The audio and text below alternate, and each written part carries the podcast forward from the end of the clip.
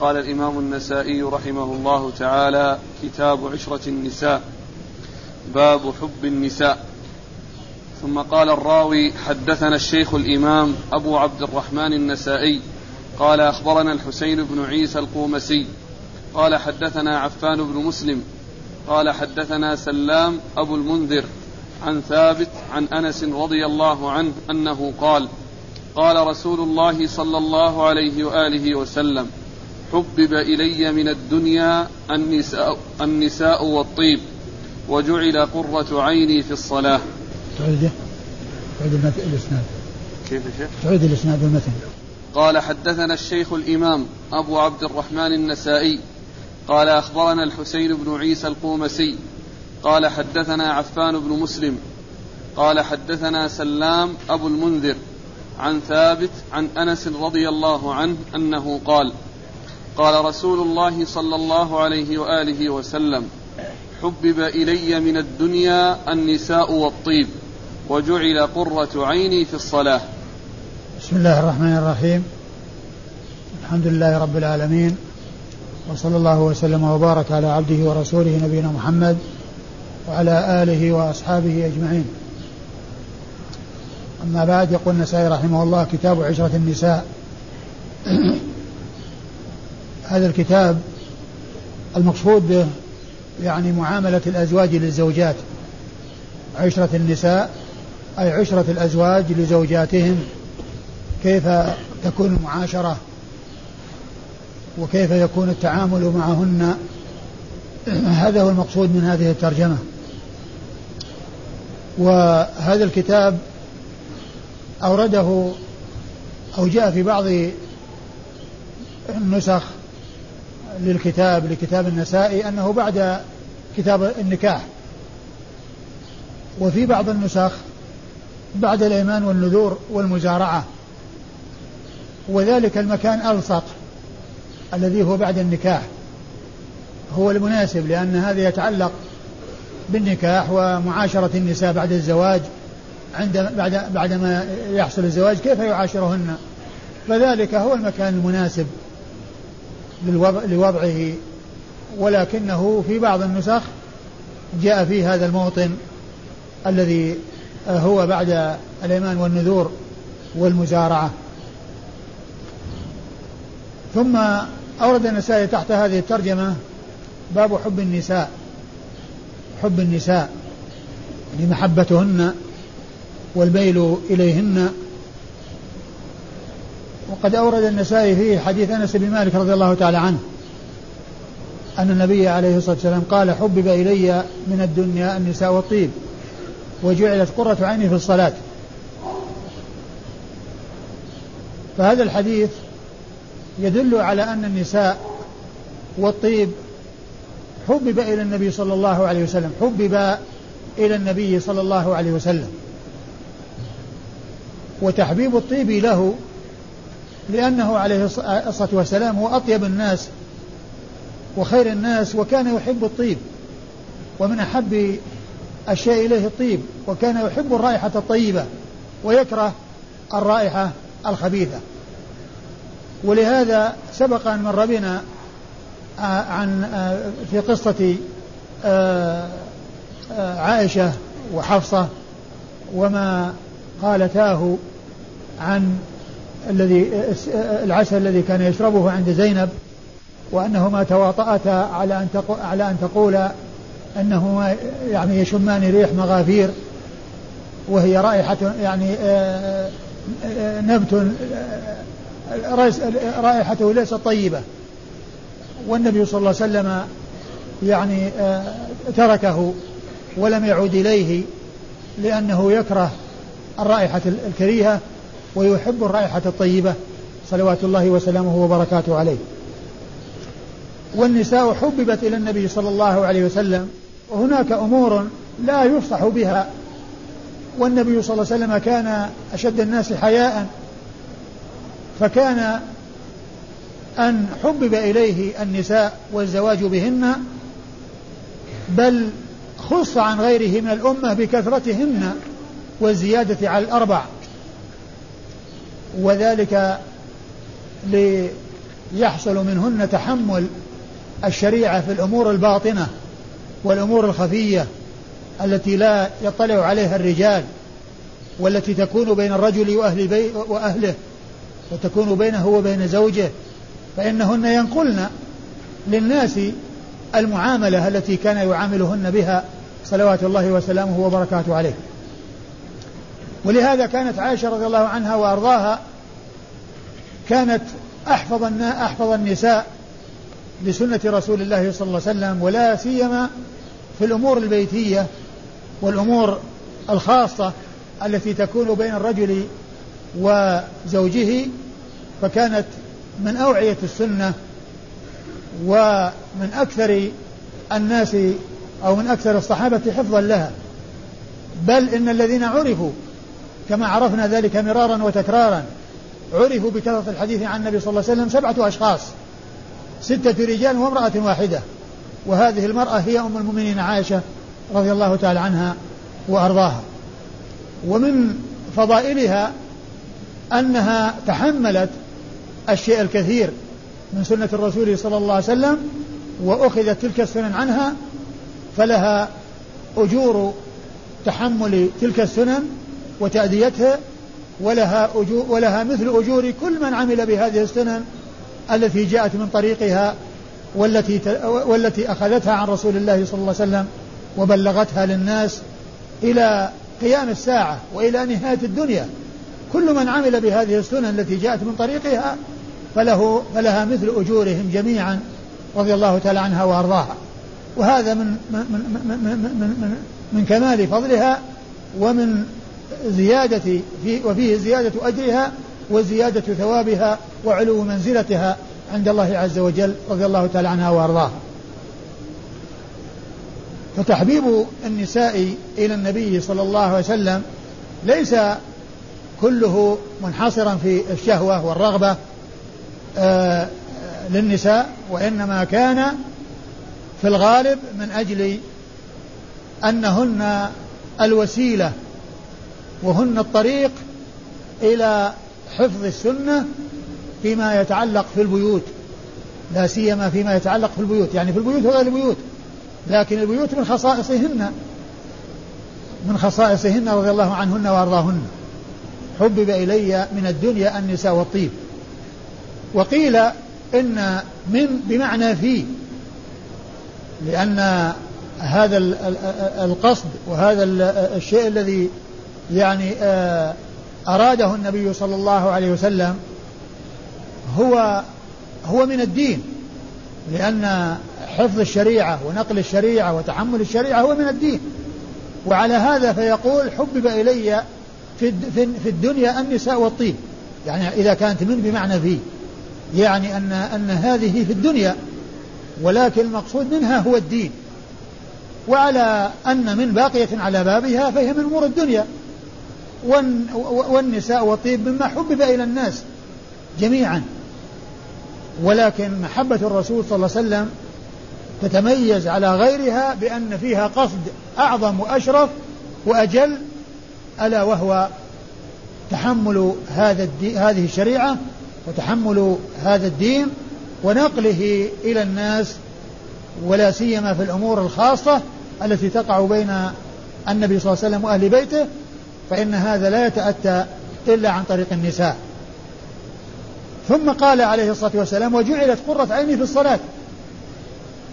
قرة عينه أنسه وسروره وراحته وطمأنينته إنما هو بالصلاة وكان عليه الصلاة والسلام يفزع إلى الصلاة إذا حزبه أمر وإذا أصابه شدة وذلك لأنها قرة عينه. وبها أنسه وبها راحته صلوات الله وسلامه وبركاته عليه. وهذا يدلنا على عظم شأن الصلاة وأن شأنها عظيم وأن الرسول صلى الله عليه وسلم كان يفزع إليها يناجي الله عز وجل. وهذه الصلاة التي هي قرة العين هي التي فيها الخضوع والخشوع. وفيها مراقبة الله سبحانه وتعالى والاتيان بها على الوجه الأكمل وعلى الوجه الأفضل. هذا هو الذي تكون به قرة العين. وأما مع السهو ومع الغفلة فإن هذا يكون فيه ليس فيه هذا الأمر ولا يتحقق فيه هذا الأمر. ونبينا محمد صلى الله عليه وسلم كان أنسه وراحته وفرحه وفزعه إنما هو إلى الصلاة. صلوات الله وسلامه وبركاته عليه. وهو يدل على عظم شأنها وأن شأنها عظيم عند الله عز وجل وعند رسوله صلى الله عليه وسلم. وأما إسناد الحديث فيقول النسائي يقول الراوي حدثنا الشيخ الإمام أبو عبد الرحمن يقول النسائي. الراوي أي الذي هو تلميذ النسائي والذي يروي عن النسائي والنسخة أو الرواية الموجودة رواية ابن السني هي رواية ابن السني فالذي يقول هذا هو ابن السني الذي يروي عن النسائي السنن. الذي يروي عن النسائي السنن. وهو في بعض الأحيان يفصح بشيخه كما هنا ويذكر شيخه يعني وهذا من كلام التلميذ. وإلا فإن كلام الشيخ يبدأ من قوله حدثنا آه عيسى. أخبرنا الحسين بن عيسى. الحسين بن عيسى. هذا هو بدء كلام النسائي. وهو في مواضع كثيرة في مواضع يعني نادرة وقليلة جدا يذكر اسم شيخه فيقول حدثنا الشيخ الإمام آه، أبو عبد الرحمن النسائي قال حدثنا فلان. و إيش الشيخ؟ قال أخبرنا الحسين بن عيسى القومسي. وأبو عبد الرحمن هو أحمد بن شعيب النسائي ولم يخرج له أحد من أصحاب الكتب الأخرى لأن بعض أصحاب السنن يروي بعضهم عن بعض ويكون لهم ذكر في الكتب الأخرى. وأما النسائي فإنه ليس له ذكر وذلك لأنه متأخر هو آخر الأئمة هو آخر الأئمة وفاته. بل بينه وبين أواخرهم سنوات كثيرة لأن ثلاثة من أصحاب السنن ثلاثة من أصحاب السنن بين السبعين إلى الثمانين وفياتهم وهو تأخر عنهم جميعا يعني بما بثلاث وعشرين سنة لأنه توفي سنة ثلاثمائة وثلاث. وعلى هذا ما في أحد يروي عنه لأنه متأخر. آه، بخلاف غيره فإنه يعني يمكن أو أنه يأتي آه، ذكر آه، عندما تأتي تراجمهم يذكر أن له ذكر في كتاب كذا وأنه يعني روى عنه فلان وأنه من رجال فلان وهكذا. أما النسائي فلكونه متأخر ما أحد روى عنه لأنهم متقدمون آخرهم وفاة كان بينه وبينه 23 سنة سبقه بالوفاة. وهو تأخر عنه. وهو تأخر عنه. ولهذا يعني يأتي ذكرهم يعني كون النسائي يعني آه روى. يعني آه يعني كون آه يعني كونهم يعني آه آه يروي بعضهم عن بعض يروي بعضهم عن بعض هذا هذا حاصل. لكن النسائي آه ليس لأصحاب الكتب. آه، ليس لأصحاب الكتب ذكر عنده. يعني آه، ليس له ذكر آه، يعني في الرواية عنهم. يعني بكونهم من كونهم رووا عنه وأنه من رجالهم لأنه متأخر عنهم. أخبرنا الحسين بن عيسى القومسي وهو صدوق أخرج حديثه البخاري ومسلم وأبو داود والنسائي. البخاري ومسلم وأبو داود والنسائي. قال حدثنا عفان بن مسلم. قال حدثنا عفان بن مسلم الصفار. عفان بن مسلم الصفار وهو ثقة أخرج له أصحاب الكتب الستة. عن سلام أبو المنذر. عن سلام أبو المنذر وهو سلام بن سليمان. أبو المنذر صدوق له أوهام. أخرج حديثه البخاري وأبو داو البخاري ومسلم وأبو داو البخاري وأبو داود والنسائي. البخاري وأبو داود والنسائي. يعني ما خرج له مسلم كالذي قبله. خرج له الترمذي والنسائي. الترمذي والنسائي. البخاري والترمذي والنسائي؟ لا ما في بخاري آه. آه أخرج الاثنين بس؟ نعم. أخرج له الترمذي والنسائي. إذا هذا غيره سيأتي. الترمذي والنسائي. عن ثابت. عن ثابت بن أسلم البناني البصري ثقة أخرج له أصحاب الكتب الستة. عن أنس بن مالك رضي الله عنه صاحب رسول الله صلى الله عليه وسلم وخادمه الذي خدمه عشر سنوات منذ قدم رسول الله صلى الله عليه وسلم إلى المدينة حتى توفاه الله عز وجل. وكان يعني عمره صغيرا ولكن النبي صلى الله عليه وسلم دعا له فعمر حتى كان من آخر أصحاب رسول الله صلى الله عليه وسلم وفاة وهو أحد السبعة المعروفين بكثرة الحديث عن النبي صلى الله عليه وسلم. وهم أبو هريرة وابن عمر وابن عباس وأنس وأبو سعيد وجابر بن عبد الله الأنصاري وأم المؤمنين عائشة. ستة رجال وامرأة واحدة هؤلاء السبعة هم الذين عرفوا بكثرة الحديث عن النبي صلى الله عليه وسلم من أصحابه الكرام رضي الله تعالى عنهم وأرضاهم قال أخبرنا علي بن مسلم الطوسي قال حدثنا سيار قال حدثنا جعفر قال حدثنا ثابت عن أنس رضي الله عنه أنه قال قال رسول الله صلى الله عليه وآله وسلم حبب إلي النساء والطيب وجعلت قرة عيني في الصلاة. الصحابي؟ أنس. أنس. نعم. ثم ورد النسائي حديث أنس من طريق أخرى. قال عليه الصلاة وهو مثل الذي قبله حبب إلي من الدنيا النساء والطيب. ما في الدنيا. حبب إلي النساء والطيب. حبب إلي النساء والطيب. وجعلت قرة عيني في الصلاة. فهو مثل الذي قبله. يعني من حيث المتن واشتماله على هذه الأمور الثلاثة المحببة إلى رسول الله صلى الله عليه وسلم. وأما إسناد الحديث فيقول النسائي أخبرنا علي؟ علي نعم علي بن مسلم الطوسي. أخبرنا علي بن مسلم الطوسي وهو صدوق أخرج حديث البخاري ومسلم. ثقة أخرج له البخاري نعم. أخرج له. البخاري وأبو داود والنسائي. ثقة أخرج له البخاري وأبو داود والنسائي. عن سيار. عن سيار ابن حاتم ابن حاتم العنزي. العنزي. نعم. وهو صدوق يهم. له أوهام. صدوق له أوهام. أخرج حديثه. الترمذي والنسائي وابن ماجه. أخرج حديثه الترمذي والنسائي وابن ماجه. نعم. عن جعفر. عن جعفر بن سليمان الضبعي وهو صدوق. نعم. له بس.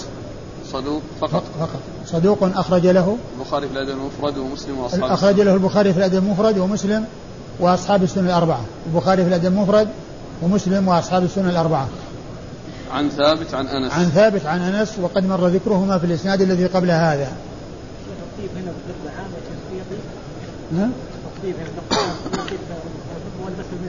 لا هو يحب الطيب. يعني آه، أحب الطيب إليه المسك.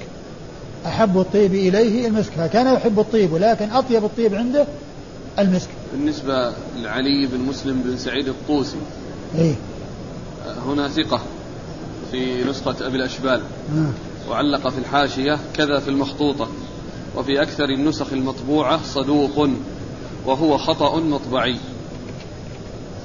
إيه. يعني هو ثقة. نعم. قال أخبرنا أحمد بن حفص بن عبد الله. قال حدثني أبي. قال حدثني إبراهيم بن طهمان عن سعيد بن أبي عروبة عن قتادة عن أنس بن مالك رضي الله عنه أنه قال لم يكن شيء أحب إلى رسول الله صلى الله عليه وآله وسلم بعد النساء من الخيل. ثم أورد النسائي حديث أنس. نعم.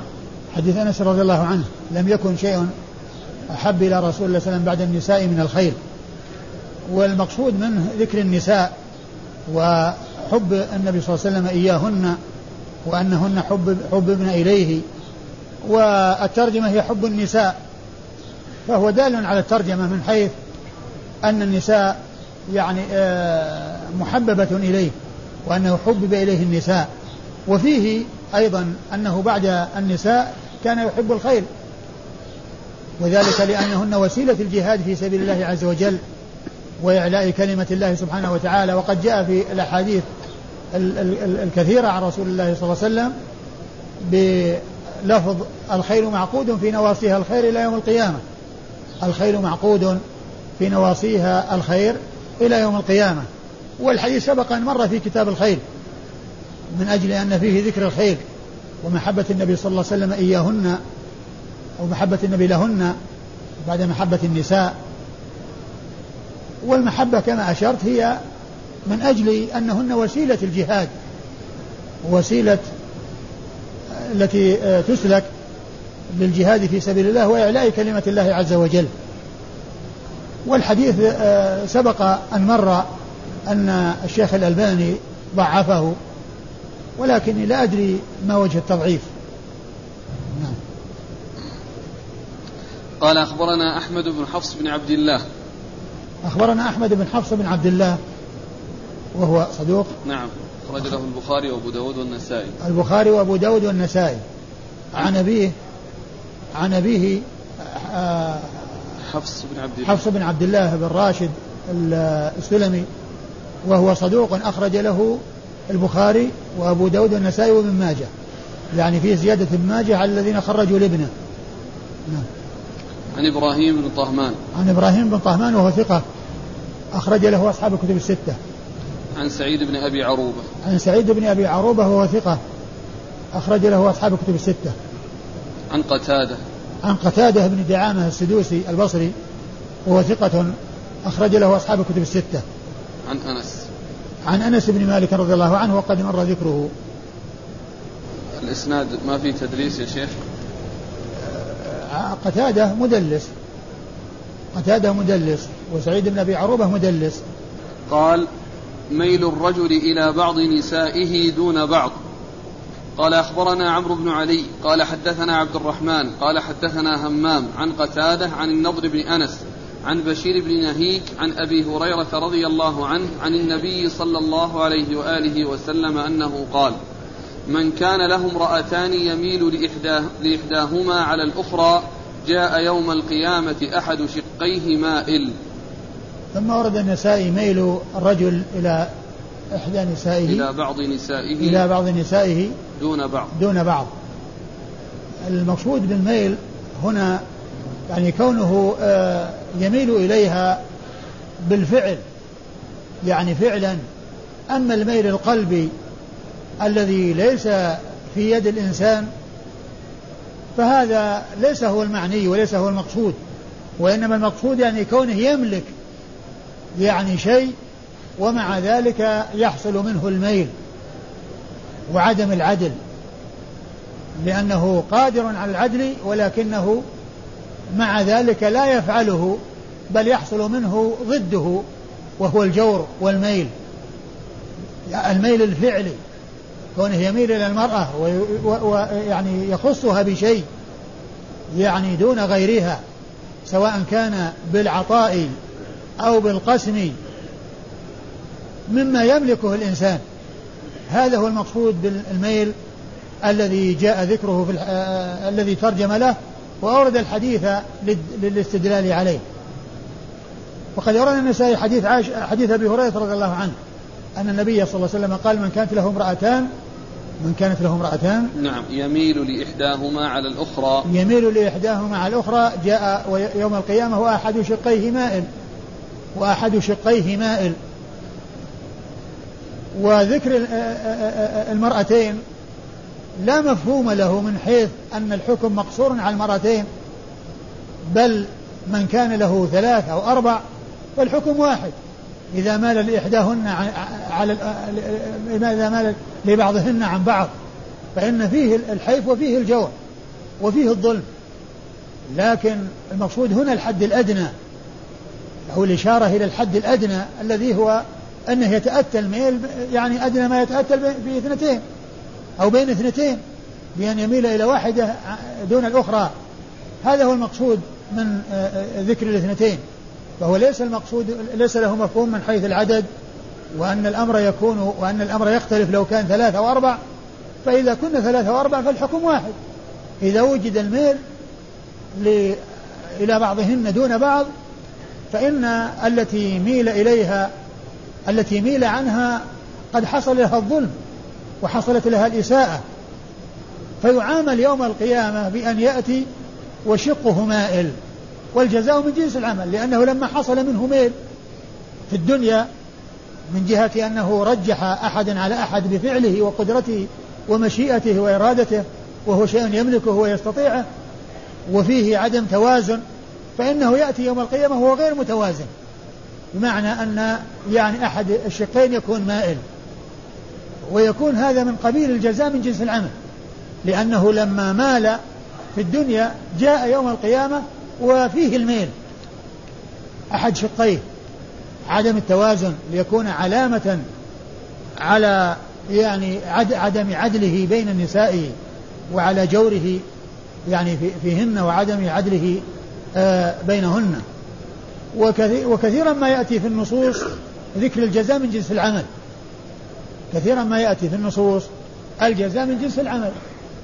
كما جاء في الحديث من نفس عن مسلم كربة نفس الله عنه بها كربة ومن ستر مسلما ستره الله ومن يسر على مسلم يسر الله عليه في الدنيا والآخرة ومن سلك طريقا يلتمس في علما سهل الله له بطريق الجنة. الجزاء من جنس العمل. الجزاء من جنس العمل. يعني إن خيرا فخير وإن شرا فشر.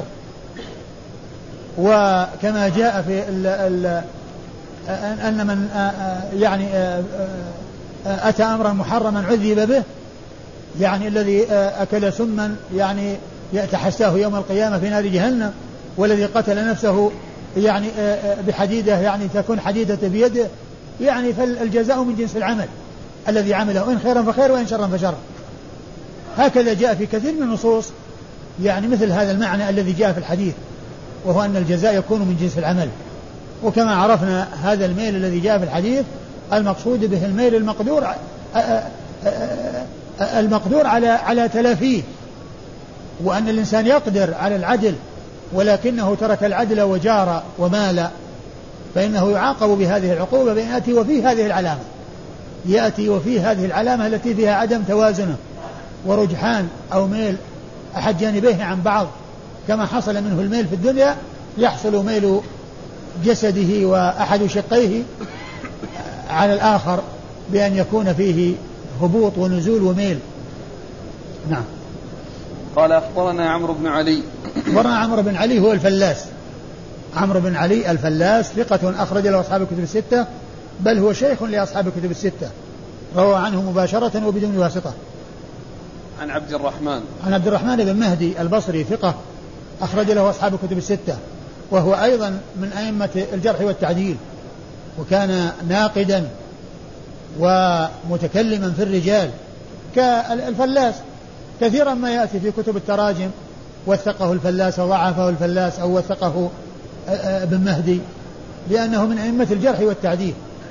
وقد ذكر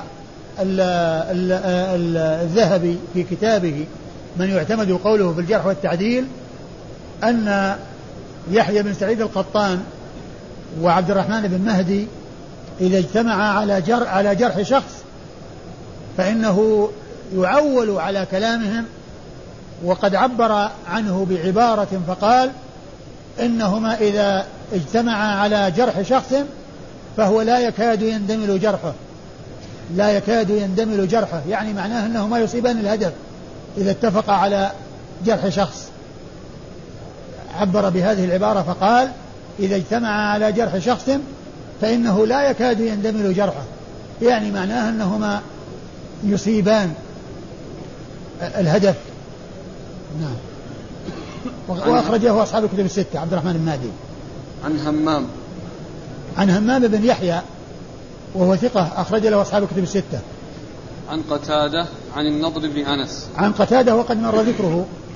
عن النضر بن أنس وهو ثقة أخرج له أصحاب الكتب الستة. عن بشير بن نهيك. عن بشير بن نهيك وهو ثقة أيضا أخرج له أصحاب الكتب الستة. عن أبي هريرة.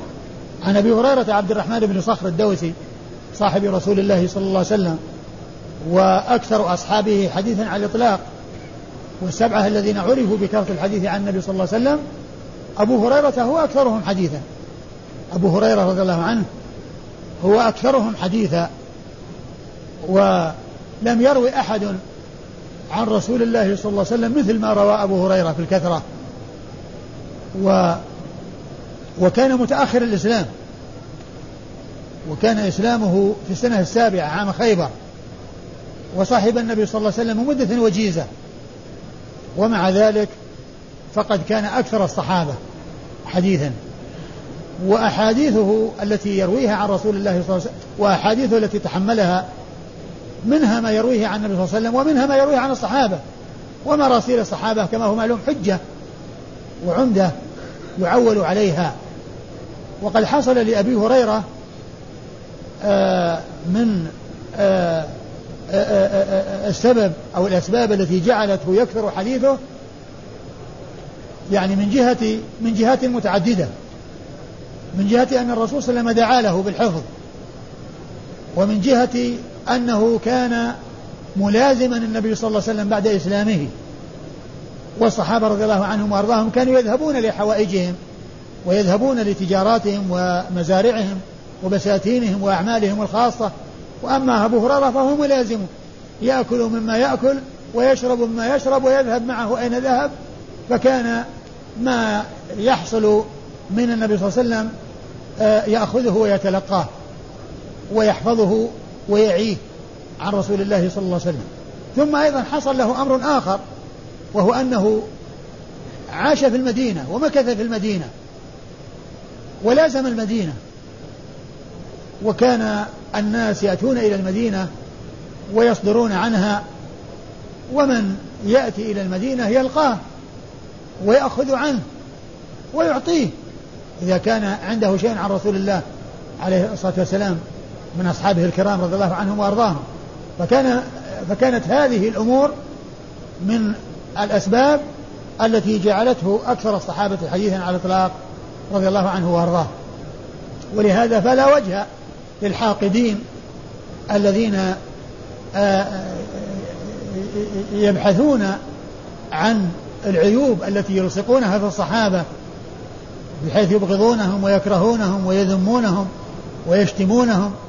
ويبحثون عن العيوب التي يلصقونها بهم ويتشبثون بمثل يعني هذه يعني هذه الأمور بأن أبو هريرة أسلم متأخرا والصحابة الذين هم من أقدم الناس إسلاما بل بل أقدم الناس إسلاما ما رووا عن النبي صلى الله عليه وسلم مثل ما روى. لا سيما الخلفاء الراشدون الأربعة رضي الله عنهم وأرضاهم. ومن المعلوم أن الخلفاء الراشدين رضي الله عنهم وأرضاهم تقدمت وفاتهم. وأبو بكر عاش بعد النبي صلى الله عليه وسلم سنتين وأشهر. وعمر عاش 12 سنة. وعلي رضي الله عنه آه، عاش يعني وهو أكثرهم يعني آه، مدة ثلاثين سنة بعد وفاة الرسول صلى الله عليه وسلم. لكن أبو هريرة عاش مثلها أو أكثر منها. وكان ملازما المدينة ولهذا كان أكثر الصحابة على الإطلاق. فكلام الحاقدين وكلام أعداء الدين الذين يعني يتشبثون بمثل هذا الكلام ما يدفعهم على ذلك إلا الحقد وكون أبو هريرة يروي الكثير من حديث الرسول صلى الله عليه وسلم الذي هم لا يريدونه ولا يعبؤون به ولا يقيمون له وزنا. بل لا يقيمون لوزن لمن هو أجل منه وأعظم منه. كأبي بكر وعمر وعثمان رضي الله تعالى عنهم عنهم وعن الصحابة أجمعين. وأعني بذلك الرافضة الذين هم من أشد الناس بعدا عن الحق والهدى. قال أخبرني محمد بن إسماعيل بن إبراهيم قال حدثنا يزيد قال أخبرنا حماد بن سلمة عن أيوب عن أبي قلابة عن عبد الله بن يزيد عن عائشة رضي الله عنها أنها قالت كان رسول الله صلى الله عليه وآله وسلم يقسم بين نسائه ثم يعدل ثم يقول اللهم هذا فعلي فيما أملك فلا تلمني فيما تملك ولا أملك أرسله حماد بن زيد. ثم ورد النسائي حديث حديث عائشة رضي الله عنها وأرضاها أن النبي صلى الله عليه وسلم كان يقسم بين نسائه فيعدل ويقول اللهم هذا قسمي فيما أملك فلا تلمني. اللهم هذا فعلي. نعم. اللهم هذا فعلي فيما أملك فلا تلمني فيما تملك ولا أملك. يعني بذلك أنه كان يقسم بالفعل يقسم بينهن بالفعل فعلا. وأما ما يقوم بالقلب من الميل ومن المحبة أكثر فهذا شيء لا يملكه. ولكنه صلى الله عليه وسلم مع ما ما جعل في قلبه من محبة بعض بعض نسائه أكثر من بعض كان يعدل بينهن وهو أعظم الناس عدلا. بل هو القدوة رضي الله تعالى عنه وأرضاه في هذه الخصلة وفي جميع خصال الخير. صلوات الله وسلامه وبركاته عليه. فكان يعدل بين نسائه يعني في القسم وفي المعاملة التي هي من فعله وكسبه. وبعض نسائه اللاتي يعني كان يرغب عن يريد أن يرغب عنهن يعني آآ آآ ومنهن سودة رضي الله تعالى عنها وأرضاها يعني أرادت أن تبقى في عصمته ولو لم يقسم لها ولو لم يقسم لها ووهبت نوبتها لعائشة رضي الله عنها وأرضاها فكان يقسم لعائشة يعني نوبتين ولكل واحدة نوبتها فكان لها نوبتها ونوبة سودة وحصل ذلك بإذنها وبموافقتها رضي الله تعالى عنها وأرضاها. أرادت أن أن أن تبقى في عصمته وأن تكون من أمهات المؤمنين.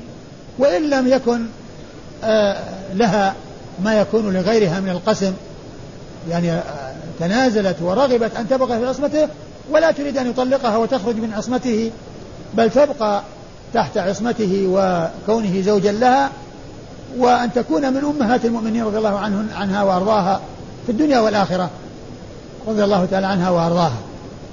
المهم أن الرسول صلى الله عليه وسلم كان يقسم فيعدل يعني في آه، فعله وفي ما يقدر عليه وفيما يعني هو مكلف فيه كان يعدل بين نسائه ولو كان بعضهن احب اليهم بعض.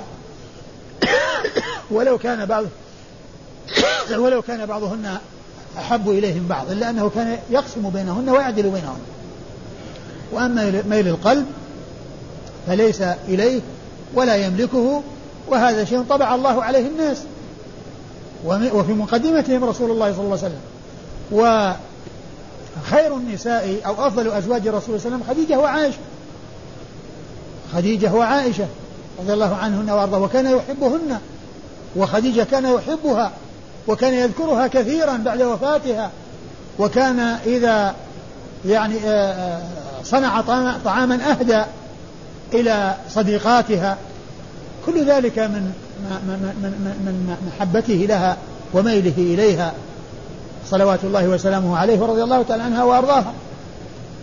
كان يقسم بين نسائه ويعدل ويقول اللهم هذا قسمي فيما أملك فلا تلمني اللهم هذا فعلي فيما أملك فلا تلمني فيما تملك ولا أملك أي الذي هو القلب والذي هو ما يقوم بالقلب. ومن المعلوم أن هذا ليس إليه وإنما هذا إلى الله عز وجل لأن هذا هو, هو الذي يقذف في القلوب المحبة.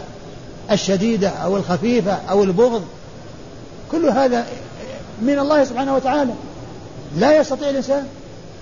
بل يمكن أن يكون الإنسان يبغض فيريد أن فيريد يعني المحبة ولا يستطيع أن يحصلها. لا يستطيع أن يحصلها لأن هذا يملكه الله سبحانه وتعالى. والله تعالى هو الذي يقدر عليه. الاسناد قال أخبرني محمد بن إسماعيل بن إبراهيم. محمد بن إسلا... بن إسماعيل بن إبراهيم هو آه، آه، المشهور ابوه بن عليا وهو ثقة أخرج حديثه النسائي وحده. عن يزيد. عن يزيد بن هارون وهو ثقة أخرج له أصحاب كتب الستة. عن حماد بن سلمة. عن حماد بن سلمة وهو ثقة أخرج له البخاري تعليقا ومسلم وأصحاب السنة الأربعة. عن أيوب. عن أيوب بن أبي تميمة السختياني وهو ثقة أخرج له أصحاب الكتب الستة. عن أبي قلابة. عن أبي قلابة هو عبد الله بن زيد الجرمي وهو ثقة كثير الإرسال وحديثه أخرجه أصحاب الكتب الستة. عن عبد الله بن يزيد. عن عبد الله بن يزيد الخطمي وهو صحابي صغير أخرج حديثه. مسلم وأصحاب السنن. أخ... مسلم؟ نعم. عبد الله بن يزيد. بن يزيد الخطمي. مسلم أصحاب السنن ولا أصحاب الكتب؟ هذا اللي عندي ذكر أنه رضيع عائشة. وثقه ذكره؟ ابن حجر. رضيع عائشة؟ ولا قال عنه الخطمي لعله شخص آخر. ها؟ قل لعله شخص آخر. أنا كان في بالي أني رأى أن- أنه الخطمي والخطمي آه، صحابي صغير. هو عندك قال صحابي صغير؟ لا نعم الخطمي صحابي صغير. لا لا ذا اللي إلا هذا اللي تقول رضيع عائشة وش قال عنه؟ هذا بارك الله فيك يقول عبد الله بن يزيد رضيع عائشة بصري. بصري؟ إيه. مم. وثقه العجلي من الثالثة. وثقه العجلي من الثالثة. أخرج له مسلم وأصحاب السنة. على كل يعني نرجع آه، ال- البت فيه إلى الدرس القادم. حتى نتحقق هل هو الخطمي أو رضيع عائشة. ورضيع عائشة هذا اللي هو الخطمي أظنه أخرج له أصحاب الكتب الستة لكن نعم. نعم؟ نعم. أخرج له أصحاب الكتب؟ نعم. أخرج له أصحاب الكتب الستة. على كل إن شاء الله في الدرس القادم نبين يعني آه، من هو. نعم. عن عائشة. عن عائشة أم المؤمنين رضي الله عنها وأرضاها الصديقة بنت الصديق التي حفظت الكثير من السنة عن رسول الله صلى الله عليه وسلم وهي آه، التي أنزل الله عز وجل براءتها مما رميت به من الإثم من الإفك. في آيات تتلى من سورة النور وكانت مع هذا الفضل لها تتواضع لله عز وجل وتقول عن نفسها ولا شأني في نفسي أهون من أن ينزل الله في آيات تتلى. أي أنا أستحق أنه ينزل في قرآن. وهذا شأن أولياء الله عز وجل. يعني عندهم الكمال والتواضع. بخلاف الدجالين الذين أو بعض الدجالين يدعون الولاية عندهم فهم في الحضيض ويترفعون ويدعون الناس إلى عبادة أنفسهم. فشأن أولياء الله عز وجل أنهم مع علوهم ورفعتهم يتواضعون لله.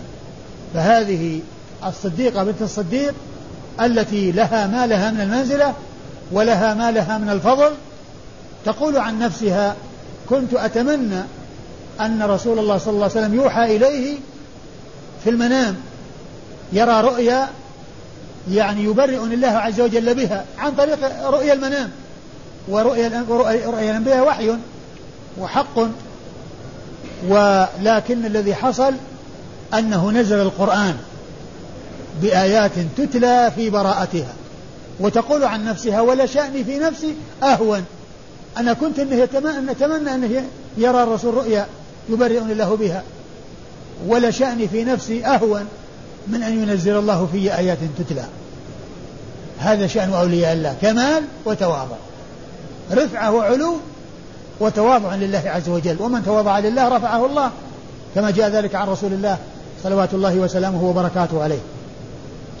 والحديث آه، تكلم فيه النسائي آه، الألباني من جهة آه، طرفه الأخير الذي هو قوله لا تلو فلا تلمني فيما فلا. تلمني في فيما تملك ولا أملك.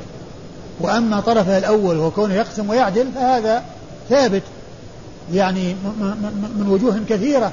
ومن ذلك ما أشرت إليه بالنسبة لسودة أنه كان يعني آه، لما أراد أن يطلقها أرادت تنازلت عن نصيبها من القسم لتبقى في عصمته لأنه آه، يقسم لنسائه عليه الصلاة والسلام ولا يترك يعني ال- القسم لهن إلا بحصول آه، الرضا من التي يرغب عنها كما حصل لسودة رضي الله تعالى عنها وأرضاها.